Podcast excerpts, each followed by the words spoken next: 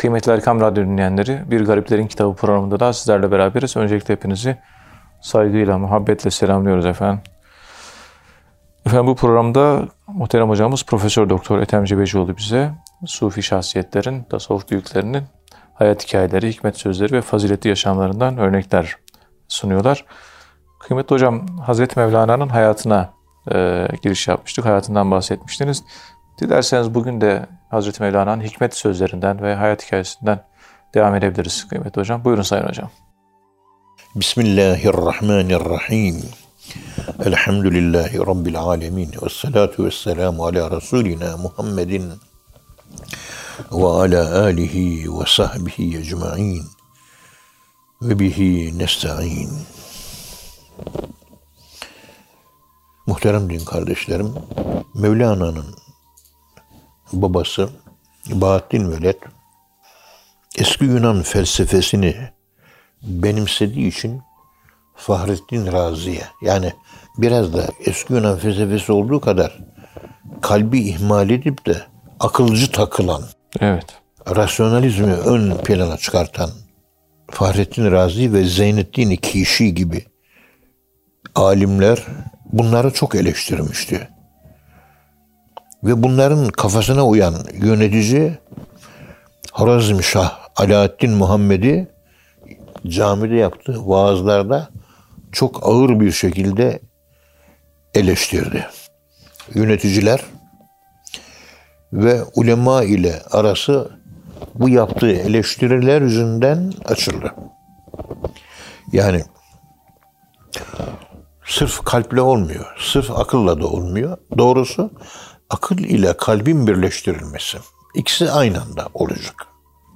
İşte bu rasyonalizme, pozitivizme, bir tür materyalizm yani şekilcilik, eşyanın fenomen yönünde boğulan nomen dediğimiz özüne uzak ve yabancı ve bigane kalanlara karşı bu bütünlüklerini kaybettikleri için yapılan eleştiriler sonunda istenmeyen kişi persona non grata olarak ilan edildi. İstenmeyen evet. kişi. Ve etrafında bir düşman halkası oluştu. Hatta o bu şekilde mevcut hükümeti eleştirerek böyle bir siyasi gaye ile yapıyor bunu. Yönetimi zayıflatmak, işte halk isyanı çıkaracak bilmem ne artık komple teorileri havada uçuştu. Aslında tarihte değişen bir şey yok vahiyciğim. Hep algı, algı operasyonları. Tarih hep tekerrür ediyor. Hep aynı, evet. O kumpas kuranlar, efendim söyleyeyim, e, tuzak kuranlar, iftira atanlar, lobiler. Bu. Her dönemde olmuş. Evet. Hatta Tayyip Bey başbakan olduğu sırada ilk 2002 senesinde Kur'an-ı Kerim'den tefeül etmiştim. Şu ayet çıkmıştı. Onlar sana sürekli hile ve tuzak kuracaklar. Allahu eyyedeke binasrihi ve bil müminin. Allah da bizzat kendisi ve inananlarla seni destekleyecektir. Ayet böyle çıktı. Evet. Ben kendimi yani 2002 senesinden 2022 senesine geldik. 20 sene. Kurulmadı, tuzak kalmadı. Ayet-i Kerime'nin manasının ifade ettiği gibi hepsi Allah tarafından boş çıkarıldı. Evet, elhamdülillah. Onun için muhaliflerin bir kısmı da kalkıyor. Tayyip Bey'in yukarısıyla alakası kuvvetli galiba. Yukarısıyla Allah'la arası iyi. Allah'la arası iyi galiba. Bu ifadeleri de kullanıyorlar. Evet. Allah'ın yanında olması. Tayfur Efendi Medine'de bana öyle söylemişti. Demişti ki Allah Resulullah'ın kalbine bakıyor. Resulullah da buna bakıyor demişti. Yani Resulullah'ın manevi bir desteği var.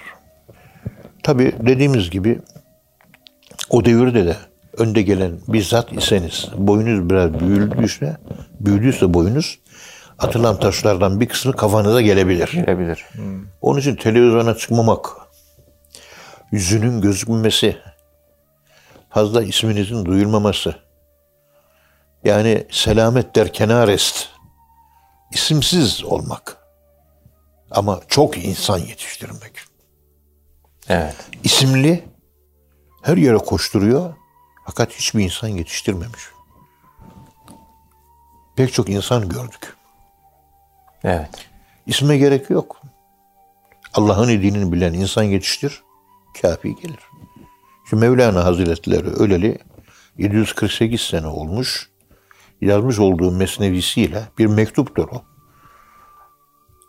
O mektubu okuyanlar peygamberi anlıyor, Kur'an'ı anlıyor sallallahu aleyhi ve Aleyhisselam. sellem. Allahü Teala'yı anlıyor. İslam'ı anlıyor.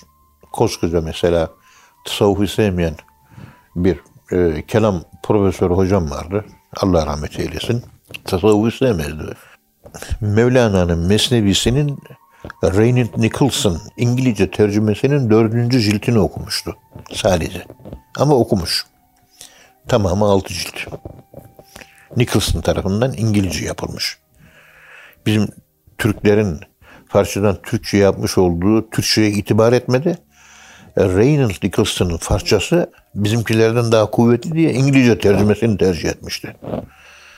Kendisi ne sordum hocam hani siz tasavvuftan hoşlanmazsınız ama Mevlana'dan işte bir cilt okudunuz. Bu e, nasıl buldunuz Mevlana'yı? Bir cilt okudunuz. Daha önce okumadan eleştiriyordu. Okuduktan sonra fikriniz değişti mi diye sordum.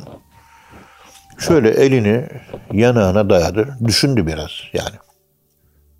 Ya Ethem Hoca dedi.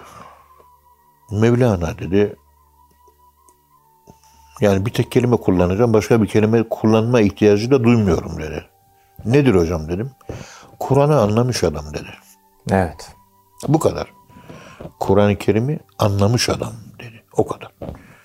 E zaten Mesnevi'de öyle demiyor mu? Mağzı Kur'an diyor. Kur'an'ın özüdür diyor. Başka Özüdür. bir şey değil. Evet. Hani zeytinin çekirdeğini sıkıyorlar, yağı çıkıyor değil mi? İçiyoruz, işte kalp damarlarını açıyor değil mi? Tabii. Kur'an bir çekirdektir aslında. Onu da suyunu sıkmış. Yağı artık kalmış. Özünü veriyor. Mağzı Kur'an. Yani Mesnevi bundan ibarettir. Yani İslam'ı anlatmış. Başka bir şey anlatmamış. O kadar. Değerlendirmeleri tabii iyi yapmak lazım. Evet. Değerlendirmeleri çok iyi yapmak lazım. Mevlana Hazretleri yani yaşadığı dönemde etkili olduğu gibi insanları etkilediği gibi yaşadığımız 8 asır sonra insanları hala etkiliyor. Hala etkiliyor. Sözleri ölmez söz. Kelimeleri, kullandığı kelimelerin ruhu ölmez bir ruh. Ölmez? Hala yaşamaya, hala insanları etkilemeye, hala insanları şekillendirmeye devam ediyor. Efendim, Mevlana ve etrafındakiler işte iktidarı devirecek diye belki böyle bir dedikodu çıkartıyorlar. Böyle bu dedikodu üzerine durum kötüye gidecek. Yönetim Mevlana'nın babasını tutuklayacak, hapse atacak, öldürecek artık bir tehlike zuhur etti. Evet. Bunun üzerine Mevlana'nın işte annesi tarafından akrabaları Horezmşah Alaaddin Muhammed dedi ki ülkeyi terk et yani. Başına bir şeyler gelebilir. Bunun üzerine o da Bahattin Öğret'te hanımıyla küçük çocuk daha Mevlana o zaman çocuk abisi vesaire ve diğer aile fertleriyle beraber Belk'ten ayrılmak zorunda kaldı. Yani Mekke'sini terk etti, Medine'ye yolculuk başladı. Her insanın Mekke'si vardır, Medine'si vardır. Evet. Medine'ye gitmeyince tekamül edemezsiniz. Doğduğun köyde kalsaydın, doğduğun mahallede kalsaydın, Ankara'ya gelmeseydin, şu andaki vahit olabilir miydin? Yok. Olamazdın. Evet. Onun için tebdili mekanda ferah vardır. Yani mekan değiştirmek insanı olgunlaştırır, Olgunlaştırıyor. kemale erdirir. Onun için mekan değiştirmek lazım. Evet. Hatta evin içinde akıllı olan hanımlar. Evin mesela koltuk şurada ama o koltuğu alıyor yanındaki odaya koyuyor. Oradaki koltuğu buraya koyuyor. Koltukları duvarın kenarında değil de pencerenin önüne koyuyor. Sehpayı sağa değil de sola koyuyor falan. Odanın rengini açık maviden beyaza çeviriyor. Beyazdan hafif sarıya çeviriyor falan. Halının rengini değiştiriyor. Evin içerisinde hemen bir sinerji geliyor anında. Buna şu ev böyle planlaması, psikolojisi falan böyle bir bilim dalı da var. Yani ev aksesuarların düzenlenmesi. Buraya çiçek koyun efendim diyor. Şurada koltuk olursa iyi olur. Şu şekilde pencere açarsak daha çok ışık alır diyor bilmem ne. Evde rahatlık duyuyorsunuz. Evet. O rahatlık insanın zihninin yeni şartlara adapte olmak için zihninin daha çok çalışmasına, nöron ve akson arasındaki o alfa ışınlarının hareketliliği, nörofibrinlerden bilgi iletişimi farklı bir şekilde gelişme kaydediyor. Her gün 16 yıldan beri evin şekli bu ise bir tür işte yaşlı adamların beyni durur değil mi? Beyin durmuyor aslında biz durduruyoruz. Ruh Hep aynı mekan. Ya bir mekan değiştiriver yok. Ruh tembelliği oluyor. Zihin tembelliği. Zihin tembelliği oluyor. Bu da iyi bir şey değil tabii. Evet. İşte Mevlana'nın babası oradan ayrılıyor.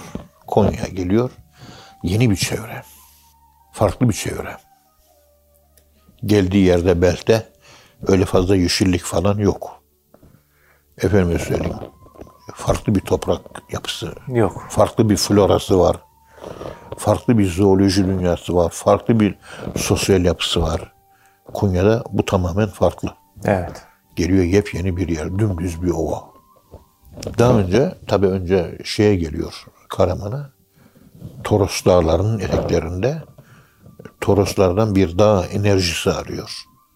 Yani dağla alaka kuran insanlarda gönül zenginliği olur ya, o dağ insanlar duyarlı olur. Aşka mütemayil olur. Hemen Torosların etekleridir. Ve Toroslardan gelen sular Karaman'dan fışkırıyor. Dağ suyu içiyorlar. Onun meydana getireceği psikolojik değişikliği varın siz düşünün. Tertemiz. Çok duygulu, çok duyarlı. Evet. İnsan yetişiyor. O dağdan gelen dağ suyuyla. İşte ovadan elde edilen çoruk ve çürük suyla bir insanın vücudunun hücrelerinin yenilenmesi, değişmesi de zor gözüküyor. Çok zor. İşte orada bir 10 sene yakın kalmışlar Karaman'da. Dolayısıyla ondan sonra davet üzerine Konya'ya gelip Konya'ya yerleşmişler. An- annesi orada vefat ediyor. Annesi de abisi de orada vefat kabri ediyor. orada. Abisiyle annesinin mezarı orada. Sonra, Evet. Ben her gittiğinde mutlaka bir Yasin okuyorum. Bizim Aslan Bey gittiği zaman ona da söyleyeyim yavrum git de orada Mevlana Hazretleri'nin annesine ve abisine benim adıma bir Yasin oku diye mutlaka Yasin okutturuyorum. Yani o göç ediyorlar oradan. Geliyorlar. Yani güzel bir olay. Değişiklik var. Ruhlar değişiyor. Gözler cilalanıyor. Kalpler bir aydınlanıyor. Farklı simalar, farklı bir sosyal yapısı. Efendim söyleyeyim farklı bir coğrafi bölge, farklı etnopsikoloji, yani farklı bir ekonomi. Tüm ailesiyle göç ediyor. yani. Ailesiyle beraber göç ediliyor ve yerleşiyorlar. Yani oradan ayrılıyorlar. Hatta oradan ayrılmasının nedeni Fahrettin Razi o şehirden çıkarılması için yönetimi etkilemiştir diye Ahmet bin Feridun Spessalar Risalesinde böyle yazıyor. Evet. Yani Fahrettin Razi'nin aleyhinde propaganda yapması, yönetimi etkilemesiyle oradan ayrılmak zorunda kaldılar. Ve ayrılmak zorunda kalmaları onları geliştirdi. Aileyi geliştirdi. Derken manevi bir işaret de arıyor. Yani terk et deniliyor ama manevi bir işaret Hicaz'a Mekke'ye hacca git gibi. Ailecek işte 60-70 kişi ne kadarsa sayı yola koyuluyorlar. Belhi terk ediyorlar. Ve epi bir gittikten sonra Belten epi bir ayrıldıktan sonra uzak mesafelere varıyorlar. Orada haber alıyorlar ki Moğollar Bel şehrini kuşatmışlar. istila etmişler. Almışlar, yakıp yıkmışlar. Demek ki manevi sigortaymış. Evet. Her şehrin manevi bir koruyucusu var. Ankara'nın manevi şehri şehir olarak koruyucusu yani Bayram Veli Hazretleri. Ruhaniyeti hayatta, diri ve duaya devam ediyor. Duanın ilk tesiri Ebu Enzir Aşiretekel Akrabin ayet kerimesindeki anlam inceliğine göre ilk yakına tesiri çoktur. Evet. Ve dalga dalga yayılır bu. Tsunami gibi. Mesela Paris şehrinin de Hristiyanlara göre böyle bir manevi koruyucusu vardır. Saint Augustin diyorlar. Paris şehrinin manevi koruyucusu. Her şehirde bu var. Yani bizim Anadolu'da da bu var. İşte Kastamonu'nun ve havalisinin manevi koruyucusu Hacı Şaban-ı Veli'dir. Şey, Şaban Veli Hazretleri. Bolu Tokadi Hayrettin'dir. Konya Mevlana Celaleddin Rumi. İstanbul Eyüp Sultan korumasındadır. Yani bu koruma değil mi? Allah koruyor da. Ruhaniyet diri. Ruhlar ölmez. Onlar da toprağın altından dua ediyorlar. Ama hayatta değiller. Boğaz'ın manevi sigortası Yahya Efendi dergahında mezarı bulunan Kanuni Sultan Süleyman Han'ın süt kardeşi Yahya Efendi Hazretleri. Evet. Oraya sık sık gidilir, e, ziyaret edilir. Bakın ayrılıyor, manevi sigorta kopmuş gibi oluyor. Hiç unutamam. İşte Seyda Hazretlerinin babası vefat etti. Allah rahmet eylesin. Allah rahmet eylesin. Seyda Hazretlerinin. Yani Muhammed Resul Erol Hazretlerinin babası vefat etti. Büyük bir zattı. Baktık arkasından Musa Topaş Efendi vefat etti. Evet. Baktık arkasından Gönüllü Mehmet vefat etti. Arkasından işte Mehmet Said Kotkar Hazretleri falan. Yani epey bir vefat oldu. Yani hatırımda tam değil de yarım kaldığına göre konuşamam ama çok büyük vefatlar yaşandı. Ve 1999 Temmuz'unda o büyük deprem oldu. Deprem oldu. 70-80 bin kişi öldü dedilerse de ölü sayısı 360 bin oldu. Hemen hemen e, sabit. Onun bir takım sebepler var. Yarım milyona yakın insan depremde göçük altında kalarak şehit oldu. Sigortalar alındı An- Anadolu'nun. Bir bela geliyor. İyiler toplumdan ayrılıyor mu? Ağzı dualı insanların sayısı azalıyor mu? Bir manevi korunak. Gelen belalara karşı siber savunma diyoruz ya. Evet. İşte bütün İsrail'i kafes, gök kafes diye bütün İsrail'i gelecek füzelere karşı korumak üzere özel bir korunak inşa ettiler mi? Ettiler. Gelen bütün füzeler indirmeye çalışıyorlar.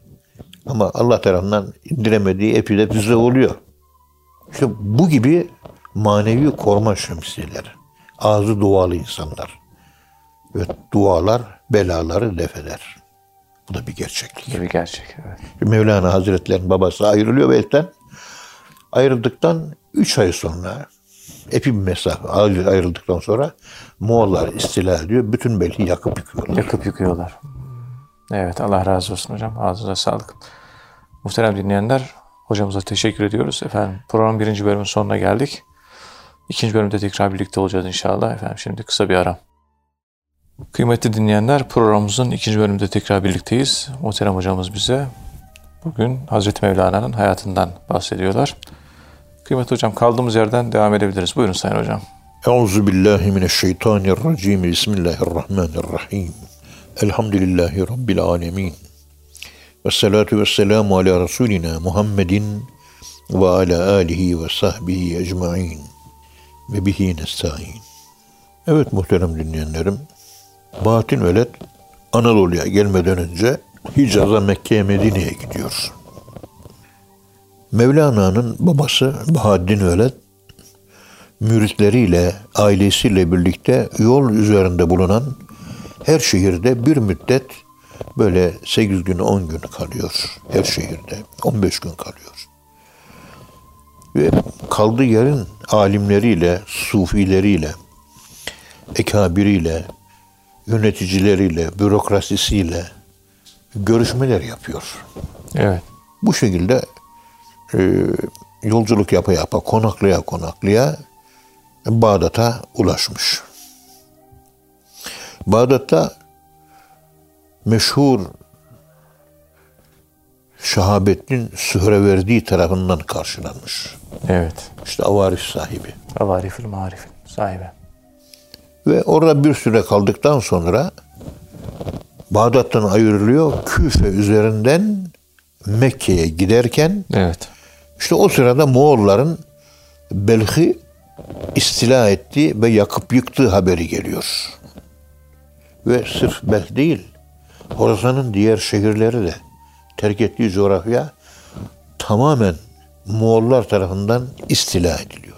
Bu durumda Mevlana'nın babası ailesiyle beraber 1220 senesinde Bağdat'ta olmuş olması gerekiyor. Evet. 1220'de. Hicaz'da vazifeyi yaptıktan sonra Anadolu'ya doğru manevi işarette yöneliyor. Şam'a uğruyorlar. Orada kalıyorlar.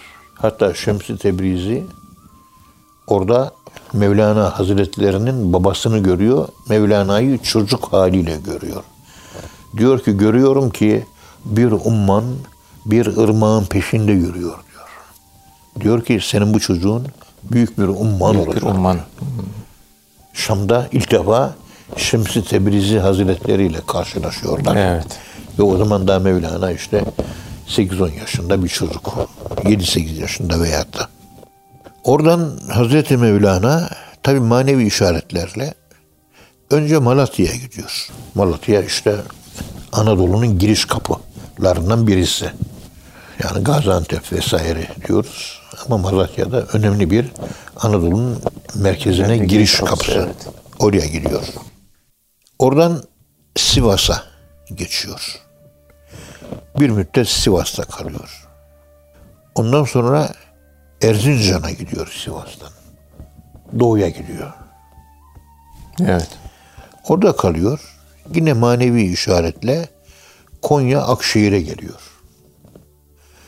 Ve Konya Akşehir'de kendi adına bir medrese yapılmış. Bahattin Veled bu medresede 4 sene ders okutuyor. Yani Mevlana Hazretleri bir ilahiyat fakültesi profesörü, babası Bahattin Veled de bir ilahiyat fakültesi profesörü. Akşehir'de medresede kendi adına yaptırılan medresede 4 yıl 4 ders. yıl ders okuttu. Ders okut deyince yani tefsir, fıkıh, hadis, Arapça, nahiv, belagat, tasavvuf, kelam, tarih, edebiyat hepsi var. Bir Alet- alim hepsini biliyor. Alet ilimleri. Alimi kül. hepsi, hepsi var. Tek başına bir ilahiyat fakültesi. Evet. Bugün bir tefsir bölümünden bir tane hocayı çıkarsanız diğer bütün dersleri veremez. Evet. Mümkün değil. Eskiden öyle değil. Bütün ilimlerde mütebahhir oluyorlar. Alimi kül. Alimi kül. Onun için İslam'ı kül olarak algılayabilme arka planı zihinlerinde mevcut. Bizimkiler tefsirci olunca tefsirci parçacı yaklaşımla anlamaya çalışıyor. Hadisçi, hadisçi parçacı yaklaşımıyla o yönden görüyor. Bu mavi gözlük takınca dünyayı mavi görme, gözle görmek, kırmızı gözlük takınca dünyayı kırmızı görmek gibi bir şey oluyor. Evet. Oradan kendi adına Karaman'da yani Larende'de kendi adına bir medrese yapılmış. Larende. Oraya gidiyor. İşte 7-8 sene de orada kalıyor. Mevlana'nın esas ilk gelişimi orası Karaman. Yani yeni yetmiş bir fidan ya fidanın büyümesi, dallanıp budaklanması ve evlenmesi, meyve vermesi Mevlana'nın Karaman'da olmuştur. Evet. 7 sene müderrislik yapıyor. Derken Konya'da Alaaddin Keykubat Konya'ya gel diye onu Konya'ya davet ediyor. İşte o sırada Mevlana Hazretleri 17-18 yaşındayken Larende'de yani Karaman'dayken Semerkantlı alimlerden Şerefeddin Lala'nın kızı Gevher Hatun'la evleniyor. Yani yine bir müderris Semerkantlı. Onun kızı Gevher Hatun'la evleniyor. Ve 1225 tarihinde Mevlana evlenmiş oluyor. 18 yaşında falan. Evlendikten sonra önce Sultan Veled doğuyor. Ondan sonra arkasından ikinci oğlu Alaaddin doğuyor. Mevlana Karaman'daki medresede 7 yıldan fazla süren bir eğitimi tamamlıyor ve tamamladıktan sonra evlendiği anlaşılıyor. Evet. Yani Karaman'da tam yetişme çağı yani 18-19 yaşına kadar orada kalmış. Demek ki 12 yaşlarında falan medreseye başlıyor. Yani biz ortaokul iki seviyesi falan filan alıyor bizim burada. Şu 19-20 yaşlarda üniversite çağları kuvvetli bir şekilde babasından ve diğer alimlerden, Evet. Karaman'dan e, bu şekilde Karaman'da yetişiyor ve ders alıyor. Ders alıyor. Ancak Karaman'da Mevlana'nın annesi Mümine Hatun vefat ediyor ve oraya defnediliyor. Annesi Karaman'da. O defin yapılan annesinin defnedildiği yere daha sonraları Karaman Mevlevi Hanesi inşa edilmiştir. Evet. Şimdi cami olarak hizmet görüyor ama orijini itibariyle orası bir Mevlevi hanedir.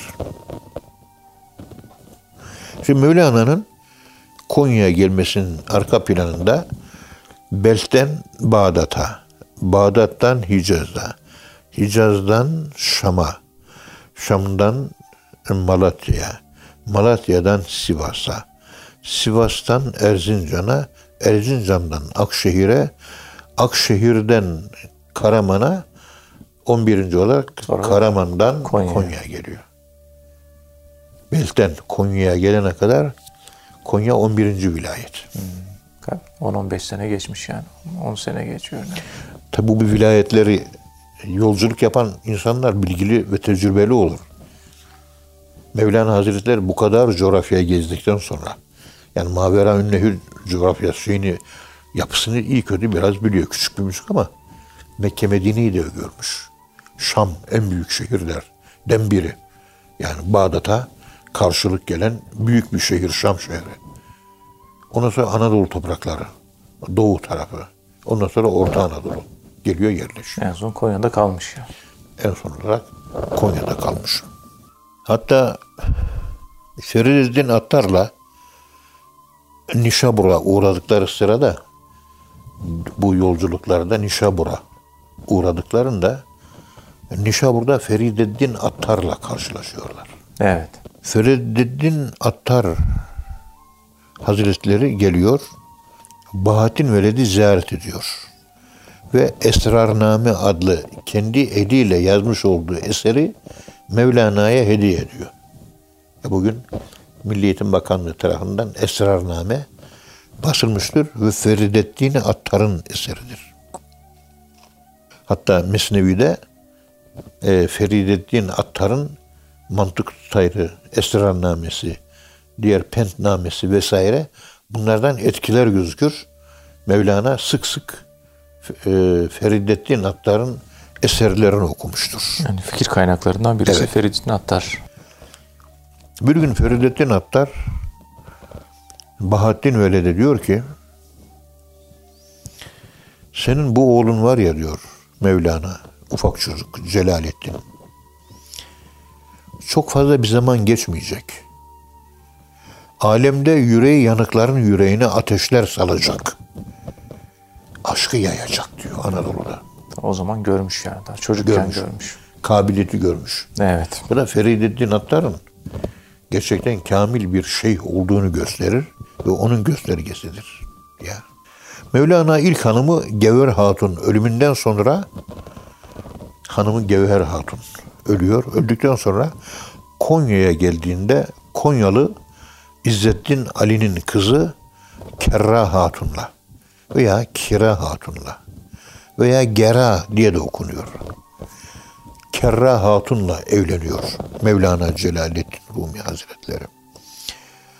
Dul olan ve Şemsettin Yahya adında bir de çocuğu bulunan bu hanımdan Mevlana Hazretlerinin e, iki çocuğu dünyaya geliyor.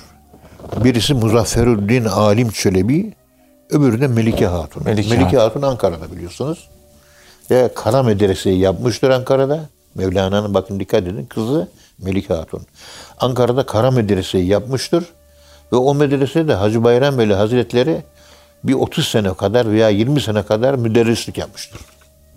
Kara medresede. Yapıcısı Melike Hatun. Mevlana'nın kızı. Bahaddin Veled Konya'da Altınaba Medresesi'nde iki sene müderrislik yapmıştır. Tabi bir müderris hangi medresede müderrislik yapıyorsa onun içinde, onun etrafındaki müştemilat var orada oturuyor. Orada oturuyor. Yani medresenin içinde talebeler de orada yatılı. Dikkat edin. Hala doğu medreselerinde bir köye gidiyorsun. Mesela Ohin medresesine Bitlis'te Ohin medresesi var. Bakıyorsun medrese medrese. Şeyhin yani ders veren hocanın evi de yolun karşısında.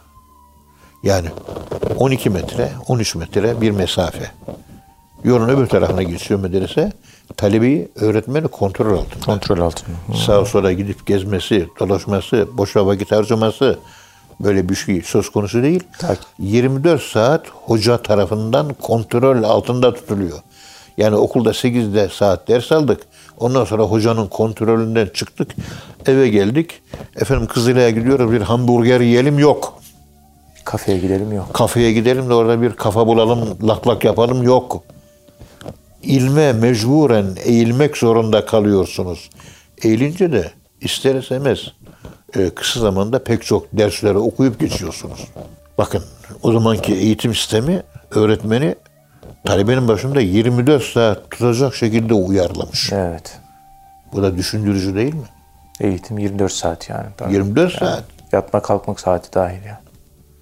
Şu anda doğu medreseleri de öyle. Evet. Hocalar medreselerine ders mi verecekler? O köylerde özellikle. Medrese ile hocanın e, evi karşı karşıya ve medresede mesela doğuda bir medrese köyde mi? Ohin'in medresesi, Ohin medresesi. Talakari silsilesinden geliyor biliyorsunuz. Orada medresede işte 45 tane talebe var veya 55 tane. Köyde bir hane o köyün sabah kahvaltısını, öğlen yemeğini, akşam yemeğini veriyor. Bitti. Evet. İkinci gün ikinci bir ev gündeme geliyor. İkinci ev medresenin sabah, öğlen, akşam. Ondan sonra köydeki üçüncü evdir. Köyde işte 175 hanelik. Demek ki her ev medrese talebelerini senede iki defa karın doyuruyor. Ya, paraya ihtiyaç yok. İhtiyaç yok. Şey, köyde yaşıyor. Ve üç öğünde yemek çıkıyor. Ve bütün köylüler de buna hizmet ediyor. Hocaları da başında ve hocalar başında olduğu için talebeler başarılı olmak zorunda. Başarılı oluyor. 24 saat takip var. Aynen böyle. Evet. Ya yani Altın Aba Medresesi'nde kaldı diyoruz ya. Yani ders verdi. Orada aynı zamanda orada da kaldı. Orada bulundu. Mesela Fatih medreseleri, efendim söyleyeyim Süleymani medreseleri, talebelerin hücreleri var. Fatih medreselerinde işte Akdeniz medreseleri, Karadeniz medreseleri, Kuzey Güney medreseleri var. Hocaların şeyleri de, evleri de o Süleymaniye Camii'nin müştemelati içerisinde yer alıyor. Yer alıyor. Talebeyle iç içe. Talebe, evlat, başındaki hocalar da baba. Bana göre baba değil, annedir. Dikkat edin. Anne öğretmen arketipidir. Baba öğretmen arketipi değildir. Çünkü Peygamberimiz Kur'an-ı Kerim'de ennebiyyül ümmiyyü diye anılıyor. Annesel peygamber deniliyor. E, en büyük öğretmen o. Peygamberimiz sallallahu aleyhi ve sellem. Evet. Carl Gustav Jung'un ifade ettiği gibi anima arke, bayan arke, animus arke, erkek arke değil. Anne merkezli. Anne merkezli değil. Şey baba merkezli, şey e, erkek merkezli, kadın merkezli değil. Anne merkezli. Babanın da çocuğa eğitimde, büyümesinde bir katkısı var. Anneye göre üçte bir.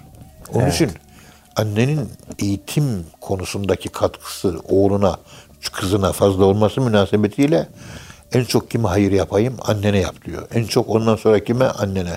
Ondan sonra en çok kim? Yine annene. Dördüncü de babana diyor. Baba çalışmaya çıkıyor, evden gidiyor. Anne çocukla 24 saat kalıyor. Medrese hocalar da 24 saat talebesiyle beraber. Baba denmez ona anne denir. Önemli bu. Evet. Çünkü mesela sabah namazından sonra ders başlıyor değil mi? Öğlenleyin bitiyor. Öğlenden sonra eve geliyor derse. Görüşlük kimseler oluyor. O hoca görüştükten sonra akrabalarını ziyaret ettiği oraya gidiyor, bilmem neye gidiyor. İkinden sonra da bir bir saat kadar yine bir ders veriliyor. Ondan sonra talebe akşam yemeğini yiyor, derslerini tekrar ediyor. Ertesi gün dersler çalışıyor. Bakın, sisteme bakın. Öğlene kadar dersler bitiyor. Bitiyor. Bir de bir saat, iki saat kadar da, bir buçuk saat kadar da ikinden sonra bir de ders var. Öğlen ikindi arasında yemek ve kaylule uykusu söz konusu talebeler için de. Akşamla beraber, akşam ezanıyla beraber yemek yenilip yatana kadar beş saat o gün alınan dersler. Evet. Bak bu çok önemli. Basit bir şey değil bu. Ve vakit namazlarında talebelerle beraber hoca namaz kılıyor. Hmm, hocam. E, en azından beş vakit namazda da beraber. Talebeyle iç içe yani. Yani e, anne gözüküyor. Görüntü anne. Kur'an-ı Kerim'de babaya valid deniliyor. Anneye valide deniliyor mesela. İkisi de doğuran anlamına geliyor. Babası ne, baba doğurur mu? Yok. Ama Kur'an an veledihi, validin an veledihi. Doğuran diyor. Ama doğuran sonunda T yok. Müenneslik T'si yok. Doğuran baba, valid. Doğuran anne, valide. Demek ki doğuran anne, doğuran baba. Doğuran anne, doğuran baba. Doğuran annenin hakkı üç, doğuran babanın hakkı bir. Peygamberimiz onun için ennebiyyül ümmi denilerek Allah anne arke yapısallığı ve hatta e, profili ve hatta kimyası yüklenmiş peygamberimize. Bundan dolayı da rahmetellil alemindir. Ve ma erselnake illa rahmetellil. Annelerin en büyük özelliği çocuklarına karşı merhametli olmaları. O zaman hoca kendi talebesine anne gibi merhametli olması gerekiyor. Merhametsiz insandan öğretmen olmaz. Evet. Yani Osman hocamızın merhametinin büyüklüğünü ben hep buradan peygamberimizin üzerinden algıladım. Mürşitler de. Mürşitler. Ya Evet hocam. Allah razı olsun. Ağzınıza sağlık. Muhterem dinleyenler hocamıza çok teşekkür ediyoruz. Efendim bir programın daha sonuna geldik. Bir sonraki programda buluşuncaya dek hepinizi Allah'a emanet ediyoruz. Hoşçakalın efendim.